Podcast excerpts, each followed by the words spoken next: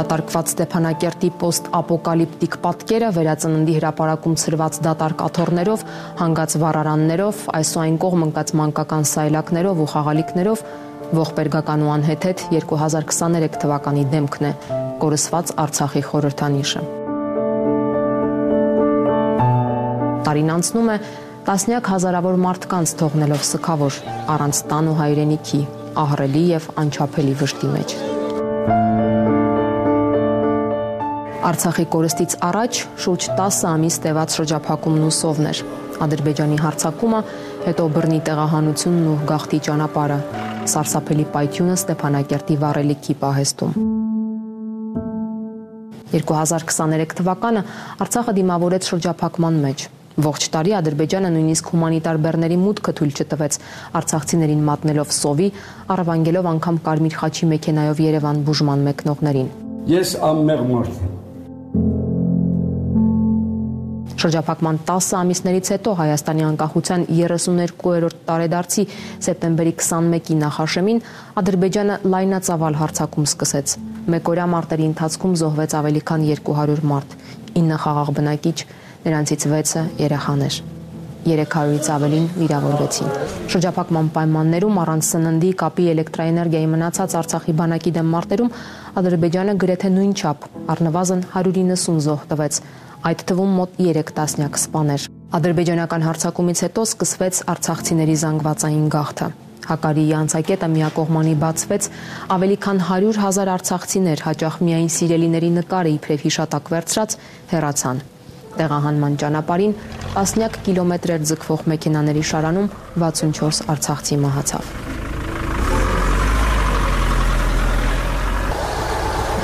Ի տարբերություն Սամվել Բաբայանի, որ պարզվեց առանց խոչընդոտների հատել է անցակետը, քայլելով 15 մետր անցել, նորից այնտեղ մի ոստիկաններ եկան, բարևել նստել մեքենան շարժվել։ Բաքվում գերի մնացին տարվա սկզբին պետնախարարի պաշտոնը թողած Ռուբեն Վարդանյանը, Արցախի նախկին նախագահներ Արայիկ Հարությունյանը, Արկադի Ղուկասյանը, Բակո Սահակյանը, Պաշտպանության բանակի նախկին հրամանատար Լևոն Մնացականյանը, հրամանատարի նախկին տեղակալ Դավիթ Մանուկյանը, նախկին արտգործնախարար Դավիթ Բաբայանը, Արցախի ազգային ժողովի նախագահ Դավիթ Իշխանյանը երբ ադրբեջանական հարձակումից, զոհերից ու անհետ կորածներից արցախցիների տեղահանության մեկնարկից հետո թվում էր, թե ավելի վատ լինել չի կարող, պայթեց վառելիքի պահեստը որի մոտ խմբված մոտ հազարի չափ արցախցիներ փորձում էին բենզին հայթայթել հեռանալու համար։ Պայթյունը առնվազն 218 կյանք խլեց, 21 հոգի անհետ կորած է համարվում ընտանիքներ եղան, որ կորցրեցին միանգամից մի քանիսին։ Խավարա ամեն ինչ sense ուր նայում եմ, ինչ նայում եմ, սա խավարա։ Դեռ ուշքի չեմ գալիս։ Իսկ հարցակումից առաջ Արցախում իշխանապողություն էր։ Արայիկ Հարությունյանը, որ դրանից առաջ արդեն մեկ անգամ սիմվոլիկ լքել էր նախագահականն ու վրանում նստածույց սկսել, իրականում եւս հեռացավ իշխանությունից։ Խորհրդարանով ընտրված Սամվել Շահրամանյանը մի քանի օր պաշտոնավարելով ադրբեջանական հարձակումից հետո ստորագրեց մինչև տարեվերջ Արցախը լուծարելու հրամանը։ Երևան հասնելուց հետո թե Շահրամանյանը, թե նրա թիմակիցները պնդեցին, որ մեկ հոգու հրամանով Արցախը չի կարող լուծարվել։ Վեշմինի մոտ թող կասկած չառաջանա, վեր եթե մուկ իմանայինք, վեր մուկ կարեինք հաղթեինք այդ ռազմական գործողությունները, մուկ միջևեր կաղնել չէինք Մուք խնայալ ենք մեր տղորցը։ Սակայն թե ինչ կերպ պետք է շարունակեն պահել Արցախի հանրապետությունը եւ պաշտպանել արցախցիների իրավունքները, երբ փաստացի Արցախում հայ չի մնացել, հայտնի չէ։ Հայաստանի վարչապետը հայտարարում է, թե իր գերխնդիրը Հայաստանի անվտանգությունն ու բարգավաճումն է։ Իմ խնդիրը Հայաստանի Հանրապետության ապագան է Զուգահեռաբար խոսվում էր մինչև տարեվերջ Հայաստան-Ադրբեջան խաղաղության պայմանագրի հնարավորության մասին։ Փաստաթղթի շուրջ առաջարկները ճամփորդում էին Բաքվից Երևան, Երևանից Բաքու առանց տեսանելի միջնորդների։ Բանակցություններն էլ երբեմն հիշեցնում էին պահմտոցի։ Եթե տարվա առաջին կեսին Փաշինյանն ու Ալիևը հանդիպում էին նախ Բլինքենի, ապա Շարլ Միշելի միջնորդությամբ, ապա Արցախի դեմ հարձակումից եւ էթնիկ զտումից հետո Ալիևը այդպես էլ չներկայացավ ոչ մի հանդիպման։ Բոյկոտելով արևմտյան հարթակները Ադրբեջանը սկսեց հայտարարել, որ պատրաստ է Հայաստանի հետ ուղիղ բանակցությունների առանց միջնորդների։ Առաջնորդների մակարդակով ուղիղ բանակցությունները այդպես էլ չեղան, բայց նոյեմբերի վերջին հայ-ադրբեջանական սահմանին հանդիպեցին սահմանազատման հանձնաժողովները, իսկ դեկտեմբերին երկու ղեկավարները անակնկալ համատեղ հայտարարություն արեցին։ Աննախադեպ այդ համաձայնությամբ Ադրբեջանը վերադարձրեց 32 գերիների, իսկ Հայաստանը երկու ձերբակալվածների։ Հայաստանը նաև ակտիվորեն փորձեց Ադրբեջանի առաջ քաշած Զանգեզուրի Միջանցկին հակադրել հայկական խաչմերուկի գաղափարը, որը ավելի ուշ Փաշինյանը Եվրոպական խորհրդարանում վերանվանեց խաղաղության խաչմերուկ։ Ռեբրենդինգի ենթարկելու եւ այստեղ Եվրոպական խորհրդանի բարձր ամբիոնից խաղաղության խաչմերուկ անվանելու ժամանակն է։ Հայ-ադրբեջանական բանակցությունների հետ տարվա վերջին տեղապտույտի մեջ էին նաև Հայաստան-Թուրքիա հարաբերությունները, թեև 2023-ի սկզբին շփումները բավական ակտիվ էին։ Նախ վերականգնվեց Հայաստան-Թուրքիա ուղիղ ավիափոխադրումը, ապա Թուրքիայում ավերիչ երկրաշարժից հետո, երբ Հայաստանը մարդասիրական օգնություն ուղարկեց, 30 տարվա մեջ առաջին անգամ բացվեց երկու երկրները կապող ցամաքային ճանապարհը։ Մարդասիրական քայլին հաջորդեց Արարատ Միրզոյանի այցը Թուրքիա։ Միրզոյանից բացի Թուրքիա մեկնեցին նաև Ալեն Սիմոնյանը ապրիլին, իսկ Նիկոլ Փաշինյանը հունիսին մասնակցեց Էրդողանի երթմնակալությանը։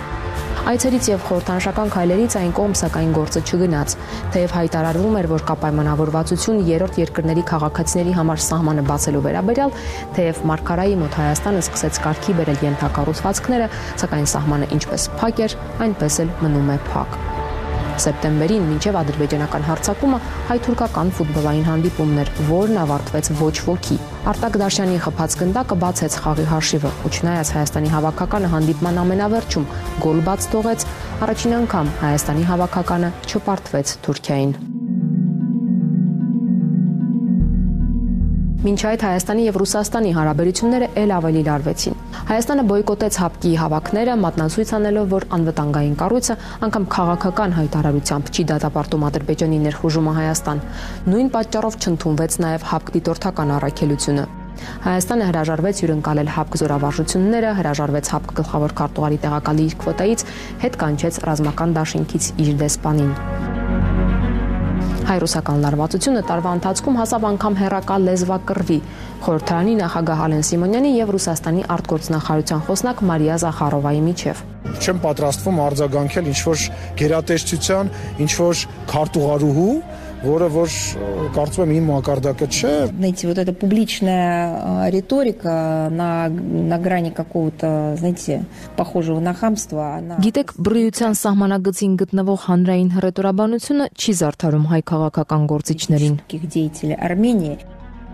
Ռուսական պետական ալիքները սկսեցին հերարցակել իշխանություններին եւ վարչապետ Փաշինյանին ուղղված վիրավորական արտահայտություններով լի հաղորդումներ։ И вот, наконец, Никол Пашинян доигрался.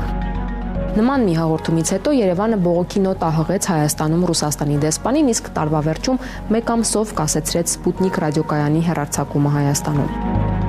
2023-ին հաստատվեց նաև որ Հայաստանը Ռուսաստանից չի ստացել սպառազինությունը, որի համար ըստ հաղորդումների վճարել է 400 միլիոն դոլար։ Զուգահեռաբար Հայաստանը սկսեց զենք ստանալ Հնդկաստանից եւ Ֆրանսիայից։ Ֆրանսիական բաստիոնների առաքման լուրը հարուցեց թե Բաքվի, թե Ռուսաստանի դժգոհությունը։ Машин Бастион это не ликвид. Ինչ վերաբերում է Ֆրանսիային, այդ բաստիոն զրահամեքենաներին դրանք ոչ լիկվիդային սպառազինություն են։ Դա Հայաստանի, ինչպես ասացի, հիմնարար իրավունքն է եւ այն պետք է իրացվի,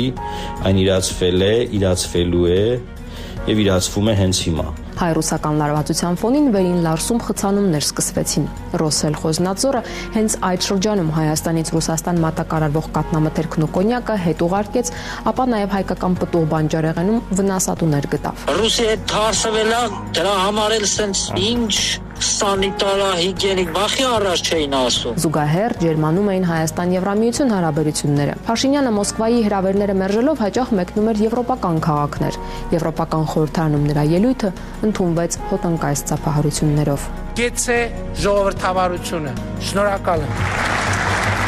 Եվրամիությունը քաղաքացիական դիտորդներ տեղակայեց հայ-ադրբեջանական սահմանին, ապա գրեթե կրկնապատկեց դիտորդների թիվը, որոնց միացավ նաև Կանադան։ Հայտարարվեց, որ քննարկվում է Եվրամիության հետ վիզայի ազատականացման երկխոսություն սկսելու հարցը։ Վարչապետ Փաշինյանը թեև արևմտյան մամուլին տված հարցազրույցներից մեկում հայտարարեց, որ Հայաստանը նոր գործընկերներ է փնտրում, քանի որ Մոսկվան ձախողել է դաշնակցային պարտավորությունները, բայց երկու շաբաթ անց հանրայինին տված հարցազրույցում հայտարարեց, Հայաստանը արտաքին քաղաքական վեկտորը չի փոխում։ Մենք ոչ մի վեկտոր չենք փոխում։ Ռուսաստանի հետ մեր հարաբերությունները ինչ որ կա,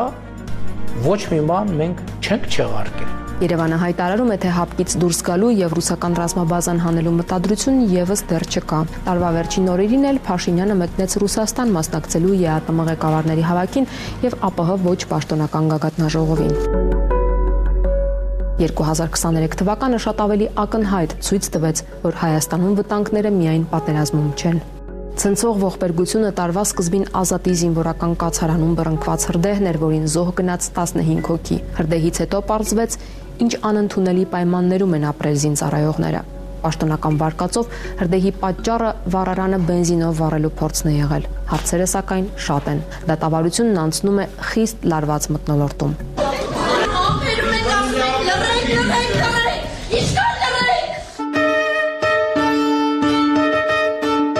2023 թվականին Երևանը նոր քաղաքապետ ունեցավ։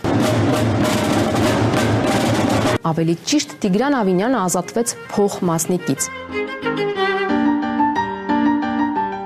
Բայց դա հարթ չանցավ, ավելին պարզվեց, որ փաստացի որոշողը, թե ով է լինելու մայրաքաղաքի ղեկավարը, դոկ Մականունով եւ հայհոյախառն խոսքով հայտնի նախկին ոստիկան Վարդան Ղուկասյանն է։ Իսկ ես կեթամ դեմ կքվյարկեմ, չեմ էթա, ում կքվյարկեմ, այդի թոմնա ձեր համար սուրպրիզ։ Հենց նրա թիմակիցների ներկայության եւ հանրապետություն կուսակցության աջակցության շնորհիվ քաղաքացիական պայմանագրին հաջողվեց իշխանության գալ Երևանում։ Վիճահարույց ընտրությանը հետևեց երթմնակալությունը ընդդիմադիրների բացակայությամբ, բայց ուրարտական զինվորների ներկայությամբ։ Պարզվեց Երևանցիները այս միջոցառման համար վճարել են 87 միլիոն դրամ, թե ինչու հայտարարվեց սերունդների մասին են մտածել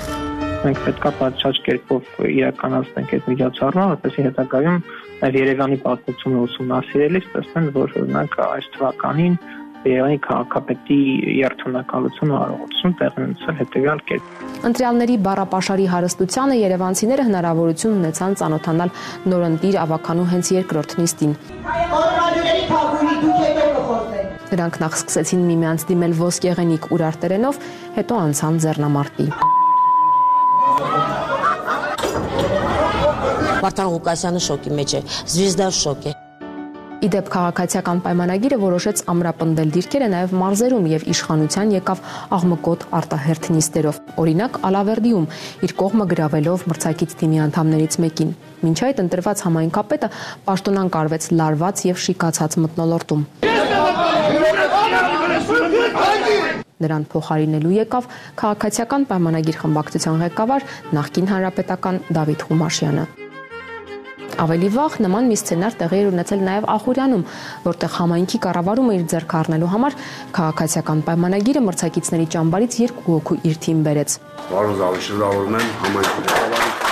Անի համայնքում կոալիցիա հնարավոր չեղավ ձևավորել եւ քաղաքացիական պայմանագիրը իշխանության եկավ արտահերտ ընտրություններով։ Խմորումներ են նաեւ Գյումրիում, որտեղ տարեվերջին քաղաքացիական պայմանագիրը հրաժարվեց Բալասանյան դաշինքի հետ կոալիցիայից։ Կկրկնվի նույն սցենարը երկրորդ ամենամեծ քաղաքում Երևա արդեն 2024 թվականին։ Իդեպ քաղաքապետի urարտական ոճով երթմնակալության ճոխ ծախսը միակ շռայլությունը չէր 2023-ին։ Պարզվեց, որ կառավարությունը 6 միլիոն դոլար ծախսել է Snoop Dogg-ին Հայաստան հրավիրելու համար։ Համերգի օրերին Արցախի ողբերգություններ։ Рэփերը թեև հոնորարը ստացել էր, բայց Հայաստան չեկավ, հոստանալով 2024 թվականի օրացույցում տեղ գտնել։ Իսկական աստղը սակայն որ փայլեց Շողակաթ Վարդանյանն էր։ Նրա դեբյուտային վավերագրական ֆիլմը 1489 44-օրյա պատերազմում զոհված կրտսեր եղբոր փնտրտուքների մասին Ամստերդամում վավերագրական կինոյի աշխարհի ամենահեղինակավոր կինոփառատոնում միանգամից երկու մրցանակ ստացավ։ Այդ թվում ճանաչվեց լավագույն ֆիլմ։ I was shooting because I couldn't do anything else. Առաջին անգամ նաև հայկական կինոն ընդգրկվեց Օսկարի շորթ-լիստում։ Միջազգային խաղարկային 15 ֆիլմերի ցուցակում հայտնվեց ռեժիսոր Մայքլ Գուրջյանի ամերիկացի ֆիլմը, որը նկարահանվել է Հայաստանում հայ դերասանների մասնակցությամբ։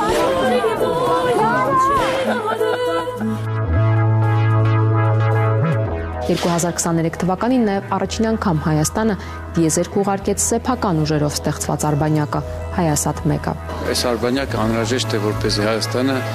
վերսկսի իր դիեզերական գործունեությունը։ Սա 2023 թվականի ամփոփումն էր։ Թող 2024-ը լինի խաղաղության եւ վերածննդի տարի։